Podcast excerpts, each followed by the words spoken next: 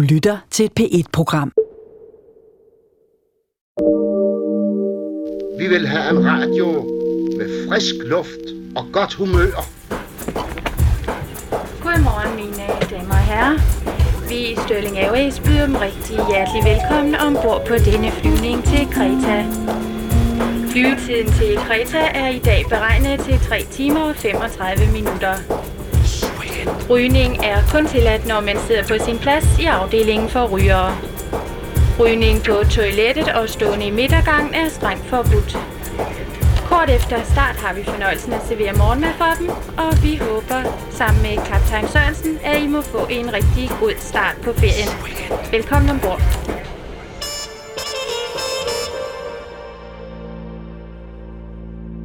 Som de fleste nok har bemærket, er der uro i flyveverdenen for tiden.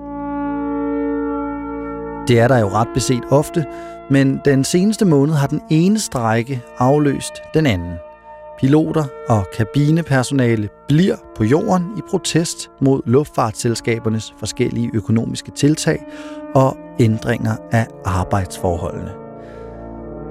Strækker i luftfartsbranchen berører jo naturligvis også andre end bare de stridende parter. Passagerer har måttet se ferier og forretningsrejser gå op i røg, og flere har siddet i lufthavne og bare set timer af deres liv gå. Timer, som de aldrig får tilbage igen. Og der er jo cirka ikke noget kedeligere i verden, end at være fanget i en lufthavn på ubestemt tid. Til gengæld er der heller ikke noget, som kan nedbryde et menneske, som dårlige arbejdsforhold kan det. Og til slut må vi jo også huske, at det aldrig er en fest at være den bødel, som svinger øksen. Slet ikke, hvis man gør det for firmaets skyld. Nå, men hvis du på den ene eller den anden måde har været berørt af eller været en del af en af de mange verserende luftfartskonflikter, er radioklassikeren i denne uge dedikeret til dig. Mit navn er Emil Rothstein Christensen, og i den næste lille time befinder vi os sammen med dem, som fragter og passer os luftrejsende landkrabber, når vi er ude at flyve. Ja, stærkt det går det. 12 minutter efter start kan gæsterne her ombord på Stirlingflyet bestille deres første drinks, dem der kommer efter morgenkaffen. Udsendelsen i dag er i grove træk opdelt i de to hovedafdelinger, som man finder i en flyvemaskine. Kabinen og cockpittet. Vi starter ud i stewardessernes verden, en branche, som i hvert fald engang var omgæret af en form for glamourøs og romantisk mystik, men som alle dage har været et benhårdt arbejde, hvilket de følgende klip også vidner om. Desuden er det værd at bemærke den måde, de mandlige journalister tilgår det kvindelige kabinepersonale på. Det er vist ikke en helt fordomsfri tilgang, der er tale om i hvert fald. Her er vi i første omgang tilbage i 1956. Et af de mest eftertragtede moderne erhverv, man kan få, det er vist at blive stewardess. Er der noget, der ligger over? Ja, der siges at være tre jobs, som er virkelig eftertragtede her i Danmark, og det er for det første at blive filmstjerne, og så at blive mannequin, og så stewardess. Og Birte Lund, de er altså blevet stewardess. Jeg har været det snart i nogle år, ja. Hvorfor ville de være det? Uh, det er snart svært at huske, men jeg antager, at jeg havde alle de illusioner, som de unge piger har om, og hvad der foregår inden for det her arbejde med, at man skal finde en millionær at gifte sig med, og i det hele taget romantikken i luften. Og har alle de unge piger den romantiske drøm, når de melder sig og forsøger at blive stewardesser? Det har de sikkert, men det bliver pillet ud af dem, før de kommer ud og flyve i hvert fald. Så finder de ud af, at det er noget andet. Jamen, der er der nogle millionærer med maskinerne. Det er der sikkert, men øh, det er meget sjældent, at de interesserer sig for os. Jeg har da set, at der er mange stewardesser, der gør et vist indtryk. Uh ja, det gør de skam også. Men øh, derfra så til at blive gift med dem, der er et stykke vej endnu. Hvad er så det for noget, der får illusionerne til at briste? Det er, når de opdager, at det, vores arbejde, det er hårdt arbejde. Og øh, det gælder om at bestille noget det meste af tiden. Det er snavset arbejde mange gange også. Ubehageligt, men det er klart, det er morsomt alligevel. Ellers bliver man jo ikke ved. Og de har fået noget at se af jorden. Mad, det meste. I hvert fald en hel masse lufthavne rundt omkring. Det er det, man ser mest af. Det er ikke altid, de når ind til byerne. Nej, desværre ikke. Og hvis vi endelig, eller når vi endelig gør det, så er vi som regel temmelig trætte, så vi bruger meget af tiden til at sove i. De har været over det hele verden med undtagelser. Med undtagelse af Australien og New Zealand, så har jeg været i alle verdens dele. Og hvor er der så bedst? I Europa. Og hvor i Europa? I, ja, det er svært at sige. Der er mange dejlige steder. Sydeuropa, øh, Portugal, Italien. Det er i hvert fald de steder, jeg foretrækker. Og hvorfor foretrækker de nu? Er det fordi, der er nogle flotte mænd der? Nej, ikke bevare mig vel. Nej, det er... Stemningen dernede er hyggelig, og dejlige mennesker dernede i det hele taget. Det er sjovt at se livet dernede. Og man kan have det morsomt. Der er mange steder, man kan se meget interessant, hvis man er interesseret i gamle ting, for eksempel. Jo, men når man er sådan en ung pige, så er man da vel også interesseret i at se øh, andet end, end ruinerne i Rom? Ikke? Jo, men man kan jo ikke tilbringe al sin tid med det. Man må jo også ofre lidt på kulturets alter. Simon, når det nu ikke er nogle millionærer, der gifter sig med stewardesserne, så er der nogle flyvere, der gør det. Der er stadigvæk et lille udvalg tilbage af besætningsmedlemmer, men det er jo ikke så stort, som det har været. De fleste de er gået allerede. Så jeg vil ikke anbefale de unge piger at begynde at flyve af den grund i hvert fald.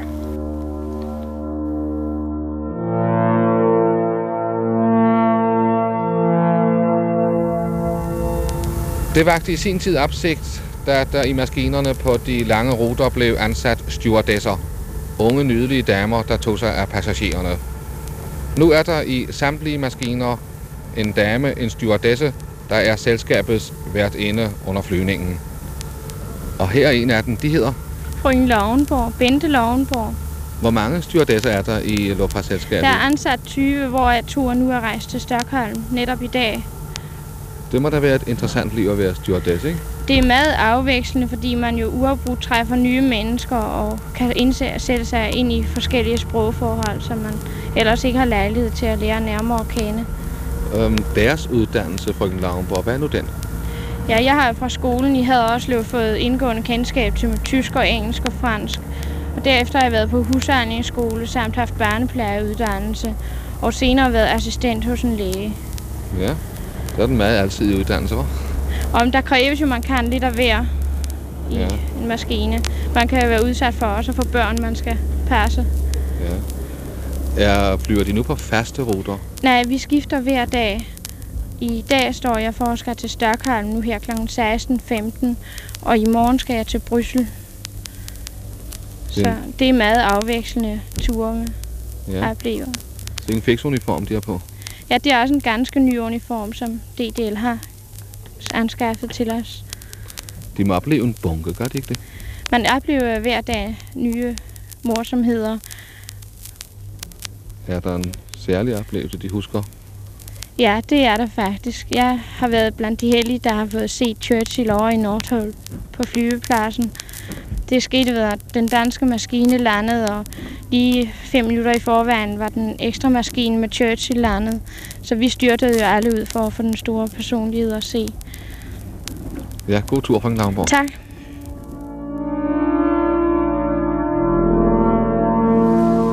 Det danske luftfartsselskab har i denne måned afsluttet sin tredje officielle skole for luftstewardesser. Igennem otte uger har ni unge damer siddet på skolebænken for at erhverve de grundlæggende kundskaber, der kræves for at blive vært inde i en flyvemaskine. Mange unge kvinder ser denne beskæftigelse som det væsentlige, en behagelig mulighed for at få set sig om i verden, men de færreste tænker vel på den omfattende viden og de store fysiske og psykiske anstrengelser, det daglige arbejde kræver. Vi befinder os i øjeblikket på danske luftfartsselskabs stewardess-skole, en af de sidste undervisningsdage. Eksamensfeberen hænger allerede i luften. De unge damer, som sidder rundt om i klasseværelserne, er i de forløbende to måneder blevet klar over, at det ikke er en romantisk leg, de har indladt sig på. Der må arbejdes, og der må arbejdes hårdt, hvis eksamen skal klares. Pensummet er stort, det omfatter 17 fag og giver den vortende stewardessen viden, der spænder lige fra spædbarnsflade til flyvemaskinmotorers indretning. Der er altså en streng alvor bag romantikken. Med mikrofonen står nu DDL's chefstewardess, frøken Doris Jensen. Frøken Doris Jensen, vil de fortælle lidt om denne alvor og om stewardessfagets krav og muligheder i det hele taget? Ja, til trods for alvoren kan man vist godt sige, at den sødeste del af det danske luftfartsselskabs ansigt udad til er selskabets stewardesskorps. 35 unge piger i kækkeblå uniformer. Deres erhverv er nyt, men de danske luftværdinder, som man også kunne kalde dem, er allerede kendt over det ganske Europa for deres arbejdsduelighed og øh, venlighed. Sagen er nemlig, at det at være stewardess er ikke helt så let, som mange mennesker tror. En af de vigtigste af de mange egenskaber, DDL forlanger af en stewardess, er fysisk og psykisk udholdenhed, samt et aldrig svigtende humør, venlighed og interesse for sit arbejde. Mens hun er i luften, er hun ustandselig i arbejde, og der er jo nok at se til. Stewardessen skal være passagerernes gode fe. Hun skal kunne tage vare på alt og alle, og ingen passager er for ung eller gammel til ikke at skulle omfattes af hendes omsorg. I virkeligheden kan man sammenligne hende med en husmor, som uden hjælp er været inde for 21 personer, måske endda 28, som på Atlantruterne. Vi kræver derfor en hel del af vores unge stewardesser. Først og fremmest, at de er sunde og kvikke, men også en hel del teoretisk og praktisk viden må de tilegne sig, før vi slipper dem ud på ruterne. Mange vil gerne vide lidt af mulighederne for at komme ind som stewardess, og med de stadige udvidelser, der foregår i luftfarten, øh, kan man ikke sige andet, end at chancerne for at blive stewardess stadigvæk består for den unge pige, der egner sig for det. Jeg vil sige så chefstewardessen tak for hendes redegørelse, og skal nu høre nogle få glemt fra den daglige undervisning. Først aflægger vi et besøg i en klasse, der får undervisning i fransk. Det drejer sig dog ikke om begyndundervisningen, men selv en ung dame med sproglig studentereksamen har kun et mangelfuldt kendskab til restaurationssprogets tekniske betegnelser på de tre hovedsprog, som enhver stewardess må beherske. Vi springer lige ind midt i timen. Vil de være venlige at svare, fungerer på det spørgsmål? Je suis un passager en voyage pour Paris avec un avion danois de DDL. Et je désire quelque chose à manger. Qu'est-ce que vous savez, mademoiselle? Bien, monsieur, je peux vous servir un déjeuner. C'est un déjeuner danois, naturellement. Dem frøken Hansen. Merci. Très bien, mademoiselle. De quoi se compose-t-il? J'ai des sandwichs avec de la charcuterie, du fromage, du chapon, des œufs, etc. Og de svarer på, frøken Kjær svarer på følgende. Monsieur aussi soif, qu'est-ce que vous avez à boire? Bien, monsieur, j'ai de la bière, du café ou bien du thé et de l'eau minérale et aussi du lait, sans oublier le snaps. Så bliver det frøken Hansen. Quand j'ai déjeuné, je veux bien lire quelque chose de bon. Qu'est-ce que vous avez comme lecture? Ça dépend, monsieur. J'ai des journaux français, danois et anglais. J'ai aussi des magasins américains en français. Ja, de unge damer var jo meget dygtige til fransk. Men hvordan nu med det tekniske? Flyvemaskinernes indretning hører også til de ting, en stewardess må vi besked med for at kunne tilfredsstille passagerernes hvide begærlighed. Vi lader mikrofonen gå til time i flyvemaskinkendskab. Frøken Bornstein, hvilken type motor har vores DC-3 trafikmaskiner? Den har um, en stjernemotor. Ja. Hvor mange cylindre har de motorer? De har 14. 14 cylindre, ja.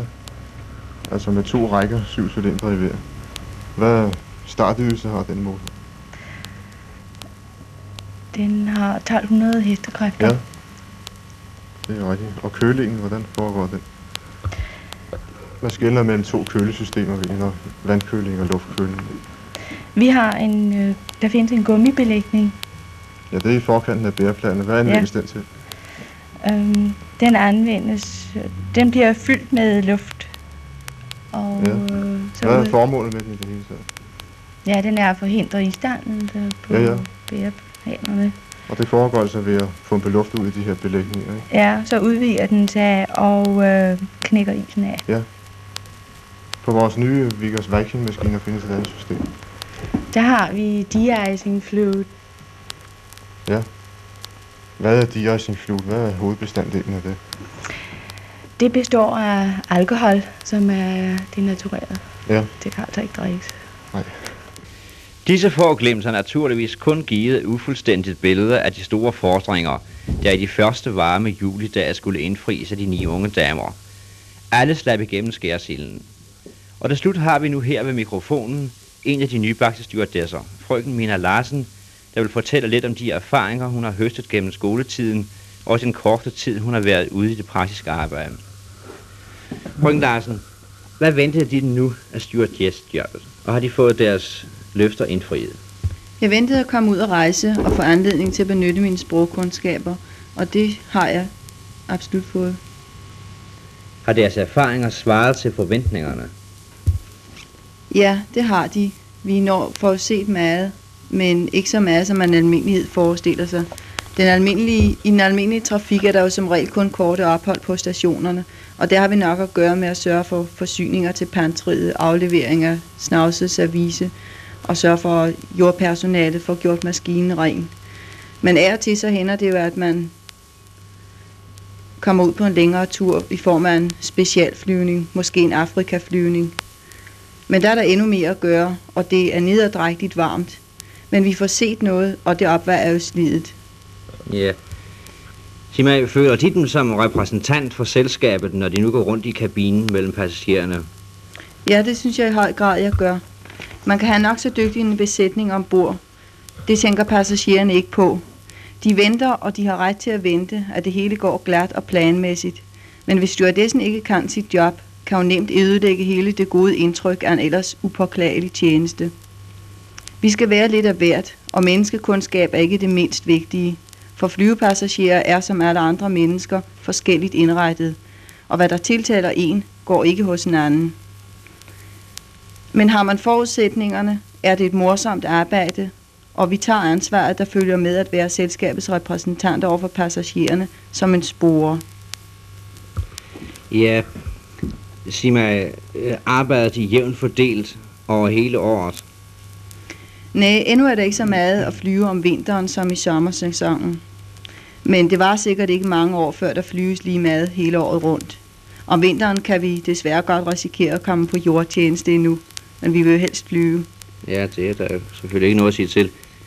Sig mig, har de nogensinde mærket noget til luftsyge? Nej, det er forbavsende sjældent, at passagererne bliver syge.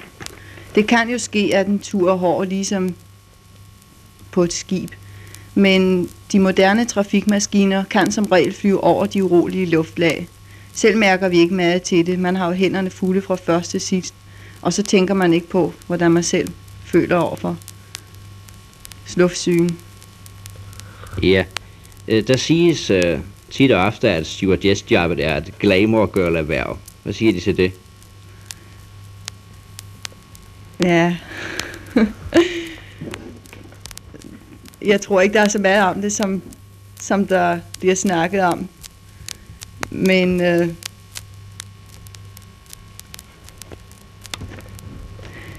det sker naturligvis. Hvad? Hvorfor? Men hvad siger jeg? Jeg ved ikke, hvad du mener med det, men... Jo. Er der ikke noget om, at stewardesser tit og ofte bliver gift med millionærer? Nej, det har jeg ikke hørt om endnu i hvert fald. Nå. Ja, ja. Vil de sige mere? Nej, så tror jeg ikke, der er mere. Ja. Så vil vi ønske dem lykke på rejsen. Mange tak. Det er dårligt, det der. Jobbet som stewardesse er hårdt af mere end én grund. For ud over de problemer, som tidsforskellene kan forvolde, er der naturligvis også passagererne at tage hensyn til. Du lytter til radioklassikeren, som i dag handler om at være inde i en flyvemaskine. Og i det næste klip skal vi en tur på charterferie. Eller i hvert fald første del af den, nemlig flyturen fra Bilund til Kreta og høre flypersonalet på arbejde. Torben Ølholm rapporterer fra kabinen i 1983.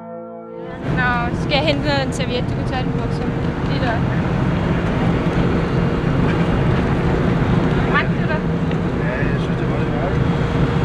Ja, Bente Poulsen, det var noget af en overraskelse at få sådan et kraftigt hop, så kaffen røg ned i skødet på en række af passagererne. Hvordan klarer man sådan en situation? Ja, man må jo prøve at få det bedste ud af det. Der er jo ikke rigtig noget at gøre ved det. Det kan jo ske sådan uforudset, og så er det det uheldige, at folk får det ned i skødet, og så må vi jo klare det med en serviet. Vi kan ikke gøre ret meget andet. Hvordan plejer folk at tage sådan noget, når de sidder der i deres pæne ferietøj? Meget pænt. Det gør de faktisk. Vil det sige, vil det sige at du nu skal rundt og tørre alle passagererne af? Ja, det må jeg prøve på bedste måde. Det er jo lidt svært, men vi prøver. Jeg kan se, der sidder en herre her. Han tager det i hvert fald pænt. Fik I noget på tøjet? Ja, det har vi også. Nej. Var I begyndt at servere, hvis I havde opdaget det her hopperi? Nej, det var vi ikke. Som regel får vi en besked fra cockpittet, hvis vi risikerer det. Og så venter vi med serveringen. Men det her var lidt uforudset, tror jeg. Klokken er 7.52. Så meget kan der ske på så kort tid. Så meget kan der være at lave for det lille hold på de seks mennesker her i kabinen. Hvad nu, hvis der sidder voksne mennesker med den der besynderlige flyskræk, og de er blevet lukket op i et charterfly for første gang, og så kan man se på dem, den er gal? Ja, nogle af vores øh, piger, de tager dem i hånden og snakker beroligende med dem. Øh, og andre, de forlanger så en konjak inden, og så får de det, så de kan blive lidt beroliget. Altså en kombination af konjak og holde lidt i hånden? Ja, og snakker vi med dem. Men Jeg- de, de fleste er nervøse, når de skal flyve. Men de viser det ikke. Aha. Det har vi vel aldrig været igennem. 10-10, en lille halv time fra landing på Heraklion. Heldus. Øh, Nu kan I da slappe af, ikke? Jo, nu begynder det langsomt.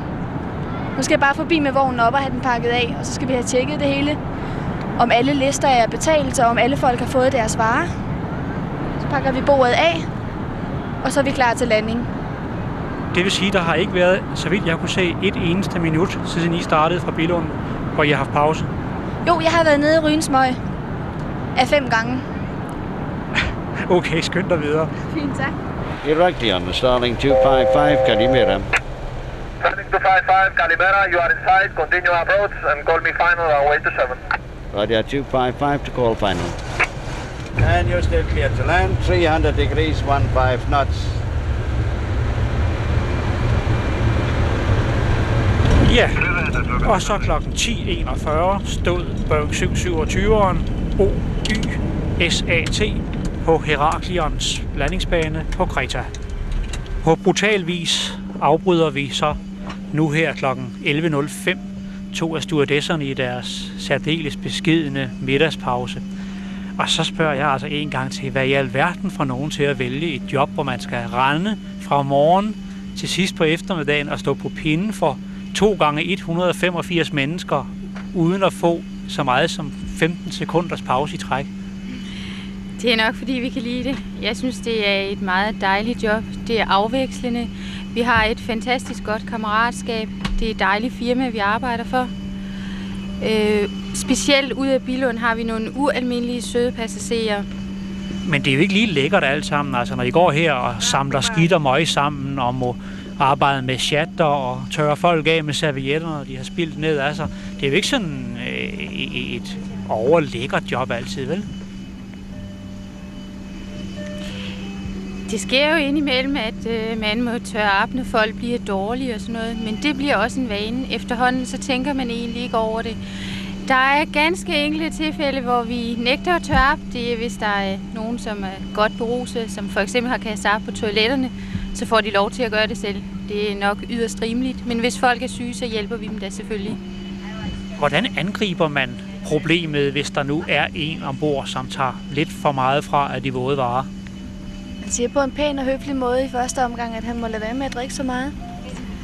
Eller når han bestiller noget, så kan man sige til ham, at han må lige vente et øjeblik, fordi der er 28 andre passagerer, der også skal have noget at drikke.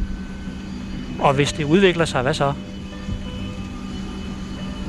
Så ser man situationen an, og så gør man det rigtige. Har I haft nogle situationer, der var virkelig vanskelige på det felt her? Ja, jeg har haft, da jeg, fløj, da jeg var stationeret i København, der havde vi en passager på vej hjem fra Israel, som var ret urimelig. Men der var vi seks piger til at takle ham, så han faldt ned på jorden igen. Hvordan gjorde I det? Ja, vi talte med ham, og kaptajnen var at tale med ham på et tidspunkt. Han ville ikke spænde sig fast, at vi skulle til at lande, men så må vi fortælle ham, at det var bare eget ansvar.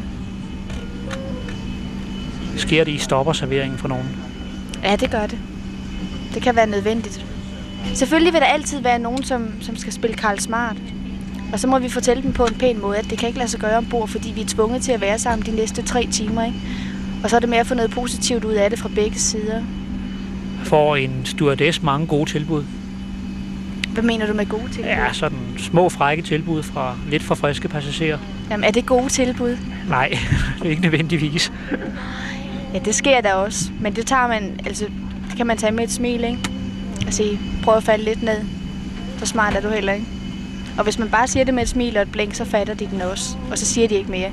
Det er for det meste, hvis de rejser sammen i grupper, fire-fem stykker i gangen, så skal den ene overgå den anden, og det kan vi andre kun grine af, fordi det er jo latterligt. Ja, velbekomme. Du skal nå at have din omelet, inden der kommer 185 trætte feriegæster ja. ombord.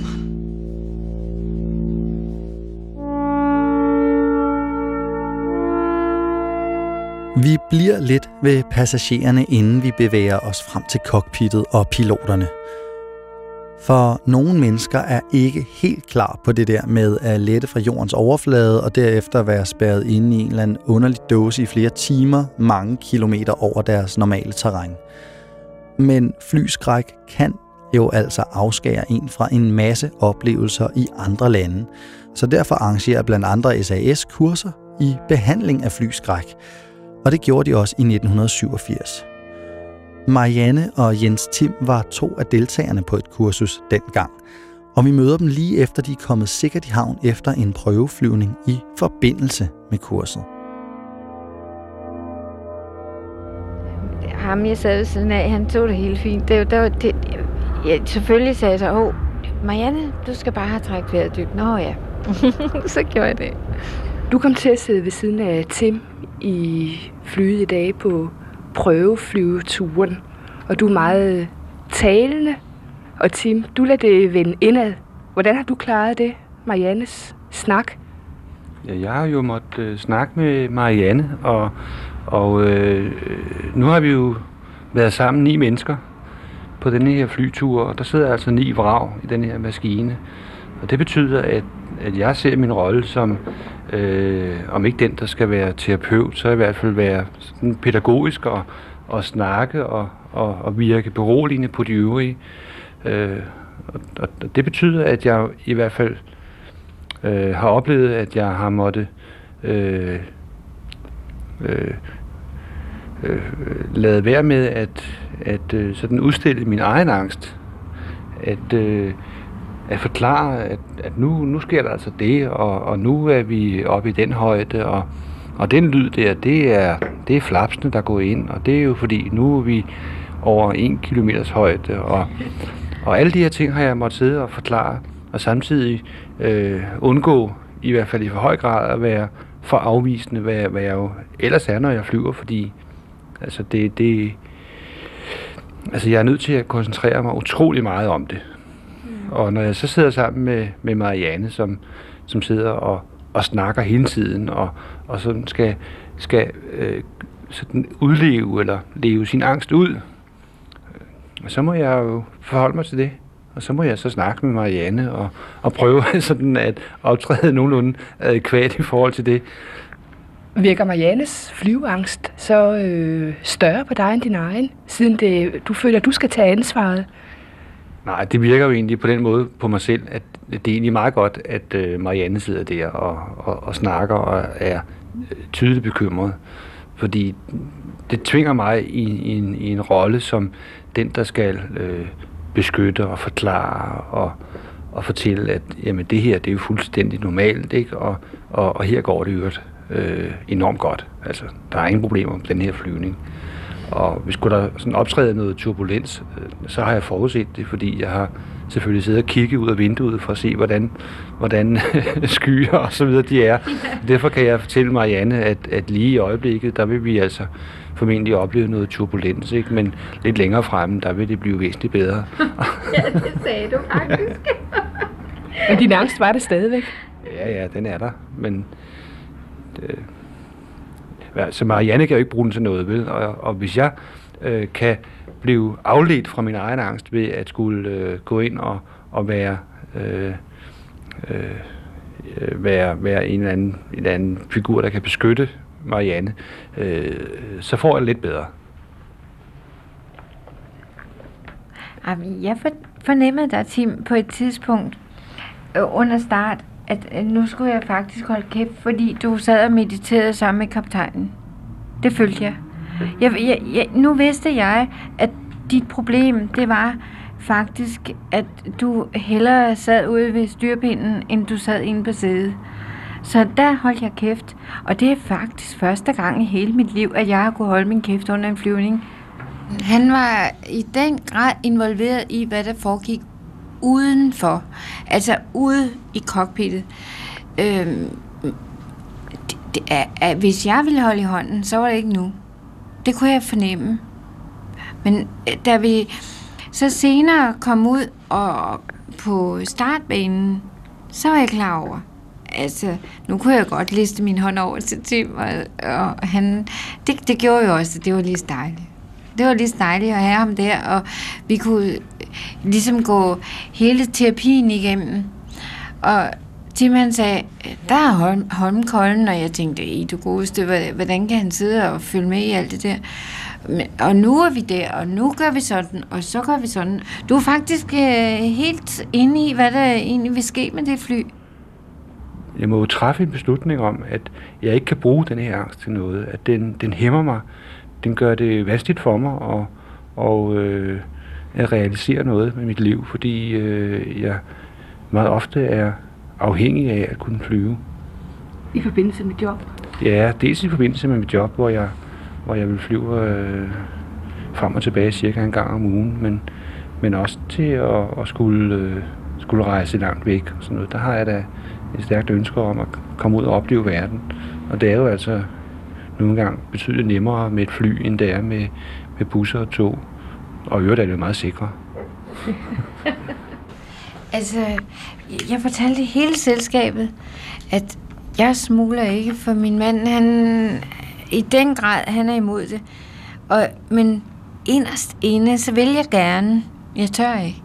For tænk nu, hvis og herre han sad derop og sagde, nu har hun smuglet, og så drætter lorten ned. Ikke? Det kunne jeg ikke klare.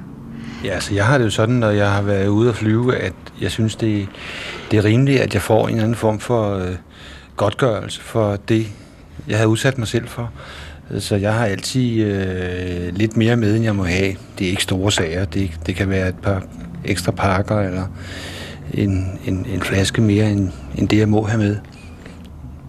Jeg synes, at sådan en flyvetur, den er så øh, strapasserende, så øh, jeg er nødt til at, at, at øh, få en eller anden form for øh, kompensation, og det kan så være det der ekstra med. Øh, og det, det har jeg så også fået. Marianne, har du nogle spændinger i kroppen efter turen i dag? Ikke, som jeg ellers ville have haft det. Absolut ikke. Øh, det, det er nemlig et godt spørgsmål, fordi øh, jeg har virkelig i... Jeg tror, det var anden dagen, der sad jeg med spændinger langt ude i min arm og ned i ryggen. Og det var simpelthen fordi, at jeg sad og tænkte over alt, hvad jeg gjorde. Og det samme, der sker i et fly. Man sidder og tænker alt, hvad gør de? Altså, den der anspændthed, at man sidder, og til sidst så samles det inde midt i systemet, om der, der er du nødt til at gå ind og begynde at spænde derindefra. Afspænde derindefra, ikke? Øh, det, det var faktisk, hvad der skete. Jeg oplevede det, da, da vi fik fortalt, hvordan vi skulle prøve at slappe af, når vi skulle flyve. Hvordan vi skulle trække vejret og sige, ah, altså, den fornemmelse, bare det, jeg siger nu, den, den, den er rar. Den er virkelig god.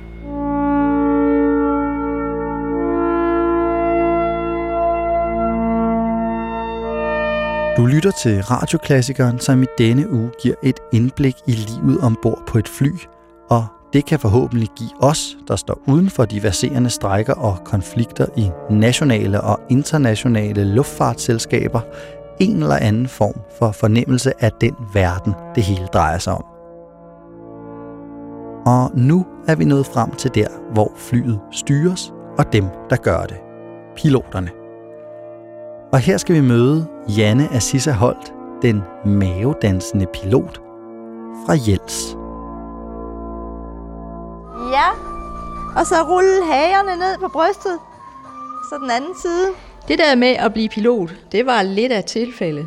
Egentlig så var det oprindeligt min en af mine mange tanker, jeg var fyldt med tanker og drømme, en af mine mange tanker gik dengang på, at jeg gerne ville ud og sejle som styrmand og skibsfører. Men øh, det kunne ikke lige lade sig gøre i første omgang på grund af ventetid på at komme ind på uddannelsen. Og så ville skæbnen, at jeg en dag var til et åbent husarrangement ude på Esbjerg Lufthavn. Og der var jeg ude sammen med en af mine forhenværende skolekammerater. Og vi gik rundt og så på flyvemaskiner og hvad der så ellers var. Og der blev vi så enige om på et eller andet tidspunkt at tage en rundflyvning. Og jeg havnede så i højre side, om foran, ved siden af piloten. Og det var sådan en lille Cessna 172, sådan en lille enmotoret, som man bruger til rundflyvning. Og den havde så øh, en styranordning i begge sider. Og jeg sad så sådan og ikke og gloede ud af vinduet, som alle andre turister, men jeg gloede lidt på ham. Og så på et tidspunkt, så får det selvfølgelig ud af mig. Det ser nemt ud, det der. og så siger han så, værsgo og prøv. Og så fløj jeg resten af den her rundflyvning. Han dirigerede mig sådan og lidt til højre og lidt til venstre og lidt op og lidt ned. Og han dirigerede mig rent faktisk ned ad landen, sådan at jeg udførte en landing ved den lejlighed, den første gang jeg sad i en flyvemaskine. Og det var sådan en meget euforisk oplevelse. Det var faktisk utrolig fascinerende at føle, at man havde magt over sådan en flyvemaskine der. Det var sådan fascination. Jeg var helt høj af, af sådan adrenalinkick bagefter. Og jeg sov næsten ikke den nat faktisk. Så besluttede jeg, at det måtte jeg simpelthen prøve igen, fordi det, det kunne ikke passe. Og så tog jeg ud og købte en rundflyvning mere. og så sagde jeg til ham, betingelsen var, at jeg kunne sidde i det der højre sæde der, og så selv få lov at flyve den. Og han grinede over hele femøren. Ja, ja, det var helt i orden. Og så fløj jeg så den der rundflyvning der. Og det var lige så fedt anden gang. Og så meldte jeg mig simpelthen til uddannelsen. Og så prøv at komme så langt ned, som I kan, og så sæt hænderne på gulvet. Og så hold rigtig godt fast ved gulvet. Samle hænderne bag ved fødderne. Omvendt. Dengang var der ikke rigtig nogen piger i luftfart. Så det er jo selvfølgelig lidt grænseoverskridende, og det er noget, som godt kunne få folk til at snakke lidt og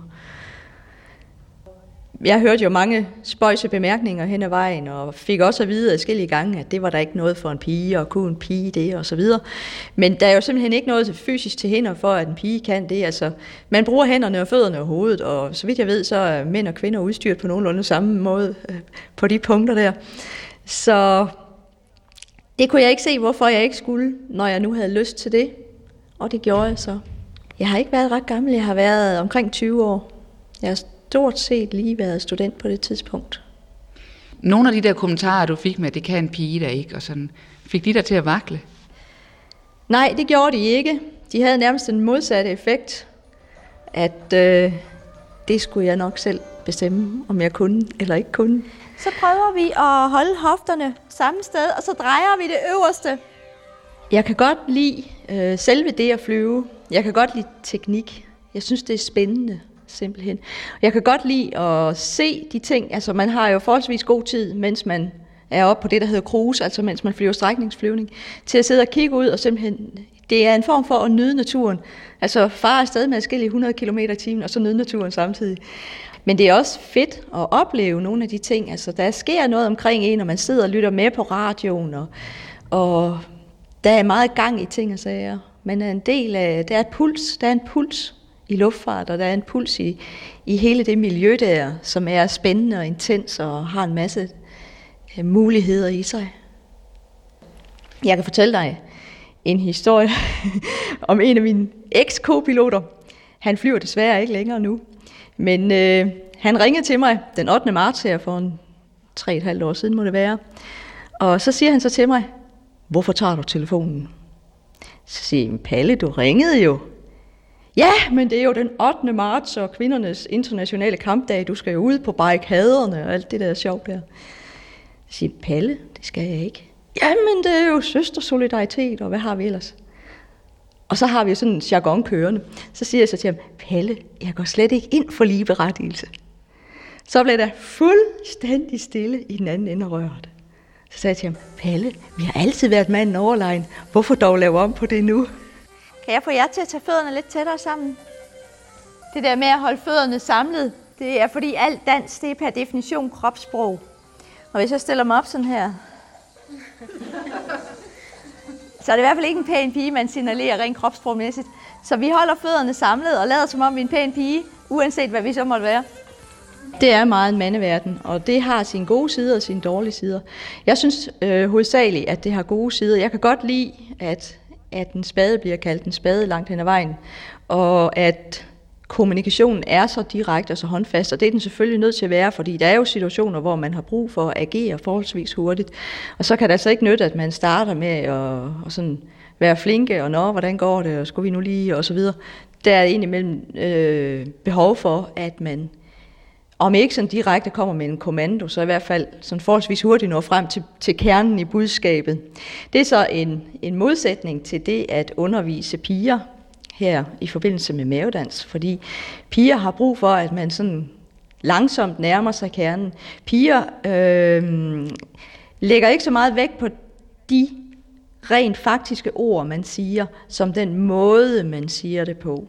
Så piger har en tendens til at tolke mere ind i det, man siger, end det, man måske selv har ment. Og hvis jeg der kommer lige fra en flyvning, og så taler sådan temmelig håndfast og direkte og bombastisk, så kan det godt blive sådan en lille bitte smule slået ud, fordi de hører den der sådan lidt kommandoagtige tone, og så, ups, opfatter de lige pludselig noget helt andet, end det jeg måske har ment. Der har jeg sådan lidt en følelse af, at fyre, de, hvis, man, hvis man retter på en af kopiloterne, så trækker han på skuldrene, og så gør han det, man, man siger. Hvis man retter på en af pigerne på samme måde som på fyrene, så hører hun ikke, jeg vil gerne have dig til at gøre sådan og sådan, jeg synes ikke, du skal gøre sådan og sådan. Så hører hun, jeg kan ikke lide dig. Og der skal man lige være lidt forsigtig og sådan tage det der hensyn der, så lige skifte gear mentalt, hvis man kommer lige fra, fra flyvemaskinen og så ja, til undervisningen her. Ja, Lise Lotte, kan vi lave den stille og roligt og blødt? Ja, der var den. Godt. Jeg prøver at være meget fokuseret med alt, hvad jeg laver. Det gælder luftfart, fordi det simpelthen er farligt ikke at være fokuseret, men det gælder også min dans, fordi resultatet bliver, både når man taler selve det at optræde, og når man taler det at undervise, betydeligt bedre, hvis man er fuldstændig fokuseret på det, man laver. I det hele taget er det en god ting at være fokuseret på det, man laver. I alle sammenhænge i livet, synes jeg. Du, du er mere til stede i øjeblikket, du lever mere i øjeblikket, hvis du, hvis du er fokuseret. Og det betyder, at du får mere ud af de oplevelser, du har lige her nu, end hvis du sidder og er i gang med at, at lave momsregnskab, eller hvad du nu kan være inde i dit hoved samtidig med. Det eneste tidspunkt, hvor jeg sådan set lader tankerne køre, det er, når jeg kører bil. Jeg plejer at hæve mig i mit fulde omfang af 165 cm, og så kigger jeg på folk med et blik, der siger, nu var det en god idé at høre efter. Altså selvfølgelig har jeg brug for nogle af de der ting, blandt andet i forbindelse med de ting, jeg arrangerer, hvor det er noget med at holde styr på meget store flokke af mennesker, og så få folk til at arbejde sammen, og så er der altså ikke plads til alt for meget hønsegård. Og det samme gælder selvfølgelig også af og til i flyvesammenhænge, hvor der er nogen, der er kropumulige og, og besværlige passagerer, der ikke synes om et eller andet, eller noget i den retning. Eller lufthavnsansatte, der, der er kropumulige. Så får de blikket, ja. Det kan være nødvendigt en gang imellem. Der er flere, der har omtalt blikket for mig. Der fik jeg på et tidspunkt navnet Ice Queen. Og senere hen blev det så udvidet til Terminator 1. Så det, og der sagde de, at det havde et eller andet med at gøre, at jeg kiggede på dem, så de frøs til is.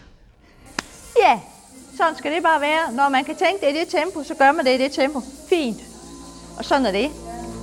Ja, det er godt. Piloter er ikke altid lige så entusiastiske som den mavedansende pilot Janne Assisa Holt, vi lige hørte. Og der slet ikke, hvis de har flået krigsfly. Vi skal over i en mere øh, mistrøstig pilotvariant nu fra efterkrigstidens Danmark. For alle illusioner bliver efterhånden skudt ned af den anonyme pilot, som Karl Bjarnhoff interviewede i 1950. Og arbejdet med at styre flyvemaskiner er for ham udelukkende et nødvendigt onde. Og videre bliver det at være pilot ikke mindst sindbilledet på det moderne, rodløse menneske. De flyver, og når jeg gerne vil snakke med dem, så var det noget, de sagde i går, da vi traf hinanden. De sagde noget om, at man kan blive træt af at flyve kilometer efter kilometer, fordi man jo alligevel ikke kommer videre. Og det slog mig, at det i nogen grad indeholder det moderne menneskes problem. Det er det her, vi skynder os. Vi har så frygteligt travlt med at komme videre, med at køre hurtigere og hurtigere, med at flyve hurtigere og hurtigere. Og når vi så kommer derhen, hvor vi skal, så ved vi ikke, hvad vi skal foretage os. Ja. Det er jo nærmest for mit vedkommende en, en mangel på et konkret resultat af det, jeg har lavet. At se, hvad mit arbejde har ført til. Ligesom en mor kan se sine mursten håbe sig op og blive til et hus. Jeg opnår det, at jeg får fløjet alle de her kilometer, og som de ganske rigtigt siger, jeg kommer ind i ingen. Ja, det var nu dem, der sagde det i går. Ja. Jeg synes, de havde ret. Nej, men de, de sammenlignede det med, med menneskeheden i al almindelighed, som styrter sig frem til. Det ene Ja, det, det synes jeg, der er noget om. Er der ikke det? Jo, det, det tror jeg bestemt er. Måske har vi, vi ikke lært at, at se en mere, et mere abstrakt resultat af vores styrten. Vi venter stadigvæk at se noget konkret. Ja, nu nævner de det med muren og huset. Og det kan jo overføres på en række forhold. Snekeren ser også noget, kunstneren ser også noget. Men på den anden side, deres tilfælde ligner i den henseende en mængde andre mennesker, som hver dag må begynde forfra. Lige fra husmoren og til, jeg ved ikke hvem, til flyveren så. Husmoren må jo også hver dag se i øjnene, at nu begynder hun, hvor hun begyndte i går morges. Ja. Jeg synes nu alligevel, en husmor har mere resultat. end. Hun siger, at, at gryderne er blanke, og at middagsmaden kommer på bordet, når den skal. Man har selvfølgelig det med en flyvemaskine, man når frem til tiden, når man får den sikkert ned. Det hører med til, til håndværket som sådan, men Rent menneskeligt kan det altså ikke fylde ens tilværelse, eller kan det ikke fylde deres tilværelse. Det kan ikke fylde min tilværelse med. For mit vedkommende var jeg 18 år, da jeg kom ind i det, og der var man begejstret og meget ung, idealistisk, og det var en, en krig, som skulle skabe en rar og fredelig verden for os alle sammen, og så sprang vi ud af det, uden at ane, hvad det egentlig betød. Man havde kun set det som billeder, og der var det som regel meget spændende, og flyveren blev dækket med glorie og hæder. Og det troede man, at sådan var det. Men hvad, hvad er så drivkraften i det øjeblik, man, man flyver ud med tilintetgørelsen under vingerne, så at sige, med bomberne under vingerne? Er det had mod fjenden? Nej. Det er det ikke. Og især ikke med flyvning, fordi det er så upersonligt. Og man kan ikke have en maskine, der står over for en, og man kan ikke have de små prikker, som går ned på jorden, og i virkeligheden er soldater, men, men slet ikke synes at være noget som helst andet end en små ja, myrer, kan man sige, der kravler rundt. Drivkraften, det man overhovedet tager ud, det er jo selvfølgelig, at man er. Man ikke har meldt sig og er i en krig, og man, hvis man ikke gjorde sandsynligvis, vil, vil blive skudt. Når man endelig har fundet ud af, at det ikke var det helt store, spændende, romantiske eventyr, som man troede, så vil man selvfølgelig allerhelst holde op lige med det samme. Men så er det for sent, så er man i det. Og måske er frygten en- meget stor drivkraft, fordi man skal ud og tænker sig bare på at komme hjem igen hurtigst muligt. Så lukker øjnene og klem på, og lad sig se at komme hjem igen. Og der er frygt hele tiden. Jeg tror ikke, der er nogen, der ikke er bange. Meget bange endda. Det vil sige et, et koldt pust af død i nakken og, og fjenden foran. Ja. Tror de moderne mennesker lige frem for at holde tilværelsen ud, må have et så stærkt indslag af spænding, at vi lige frem skal leve fra katastrofe til katastrofe? Jeg synes, det er svært at tro. Men på den anden side er det også svært for mig at, at dømme det, når jeg nu har sådan levet med en del katastrofe, og vil være meget lykkelig for at blive fri for det. Især for at blive fri for frygt, som jeg synes virker meget, meget hæmmende på, på, på hele ens udvikling og sjælefred. Det er svært at tro, at, at mennesker ligefrem skulle søge frygt for at få noget ud af livet. De har brugt øh, i, deres, i deres sidste sætning ord som lykke, som fred og sjælefred. Er det vel noget, der spiller nogen rolle for moderne mennesker? Er det ikke ganske forældede ord, og i hvert fald ganske forældede begreber? Jeg er et moderne menneske, tror jeg. Er et, et, et direkte resultat af teknikkens fremskridt som flyver, men lykke og fred og sjælefred, det betyder uendelig meget for mig. Og jeg kan ikke se, hvorfor det skulle være så færdigt med anderledes for andre mennesker. Jeg synes, jeg har forstået på dem, at de er i hvert fald skuffet over, hvad der kom ud af den sidste krig. Ja. Så vidt jeg kan se, har vi ikke fået spor ud af det egentlig. Og jeg er skuffet på de venners vane, som satte livet til for at opnå noget, for at opnå den her bedre verden, som vi altså ikke har fået. Vi har måske fået en, et kort pusterum nu, så skal vi til at begynde forfra igen. Med den, der var ven før, som skal være fjenden nu, det kan blive ved i en uendelighed. Men det bliver uden med. Jeg vil i hvert fald ikke mere. De er altså på en måde dømt til stadig at være flyver. Dømt, siger jeg, fordi de jo faktisk ikke har lært noget andet. De er gået lige fra skolen og ind i Royal Air Force. Og de har efter krigen måttet ernære dem som flyver. Ja. Vil det sige, at de den dag i dag føler en vis frygt, når de går op med en maskine? Ja, det kan ske, men det er nu ikke så meget for man bliver alligevel efterhånden så ordineret. Og så erfaren, at, at øhm, mens man flyver, man hele tiden overvejer alle de muligheder, der er for katastrofer, og hvordan man så skal afvære dem. Man sidder faktisk og har taget det hele med i betragtning. Så ligegyldigt hvad der sker, så har man en udvej. Det er selvfølgelig også nervepirrende.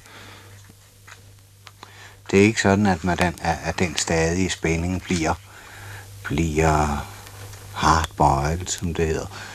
Når man så endelig kommer ned og har pause, at så er det om at få sin tilværelse fyldt med mest mulig larm, med, med drinks og med piger. Nej. For mig i hvert fald ikke. Jeg har aldrig haft den trang. Jeg tror kun, jeg går ud en gang hver en måned. Sådan noget. Og som helt ret skuffet over det, fordi det er meget rart at sidde hjemme. Jeg er gift, og jeg har børn. Og det optager min tilværelse. Men de er altså de er forbandet til at skulle blive ved med at flyve. De er forbandet til at blive ved med at skulle flyve for at ernære mig selv og, og mine, men uden for flyvningen, der, der tror jeg virkelig, jeg er lykkelig og har fred og sjælefred. De er disponeret for lykke. Ja. Men hvad har de i sinde at gøre i fremtiden? Ja, forløbet må jeg altså blive ved med at flyve, for det kan jeg, og der er ikke så forfærdeligt mange andre ting, jeg kan. Jeg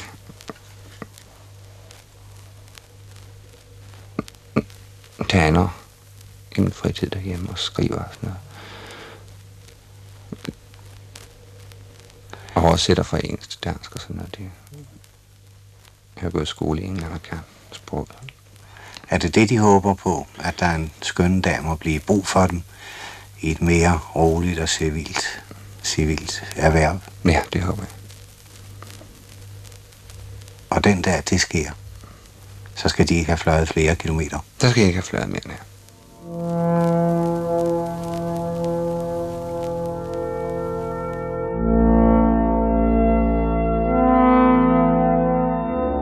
Aldrig op at flyve igen. Det var Karl Bjarnhoffs hjerteskærende interview med en pilot, der var mere end almindeligt træt af at flyve.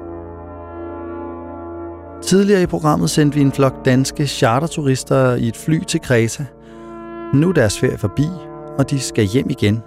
Og øh, til lyden af flyfrokosten ombord siger jeg tak for i dag, hvor radioklassikeren både kom højt op og helt ind. I redaktionen i dag var Anne Pilgaard Petersen. Mit navn er Emil Rothstein Christensen.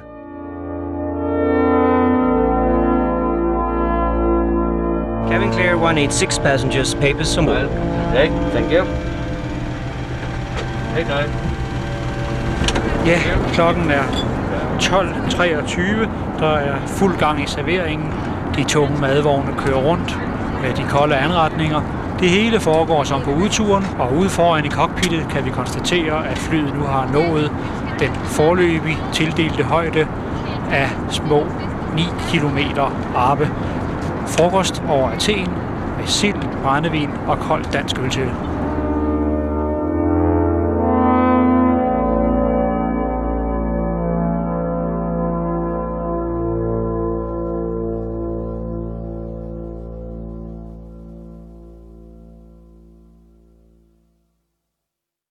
Du kan finde alle P1-programmer på dr.dk-p1. Det giver mening.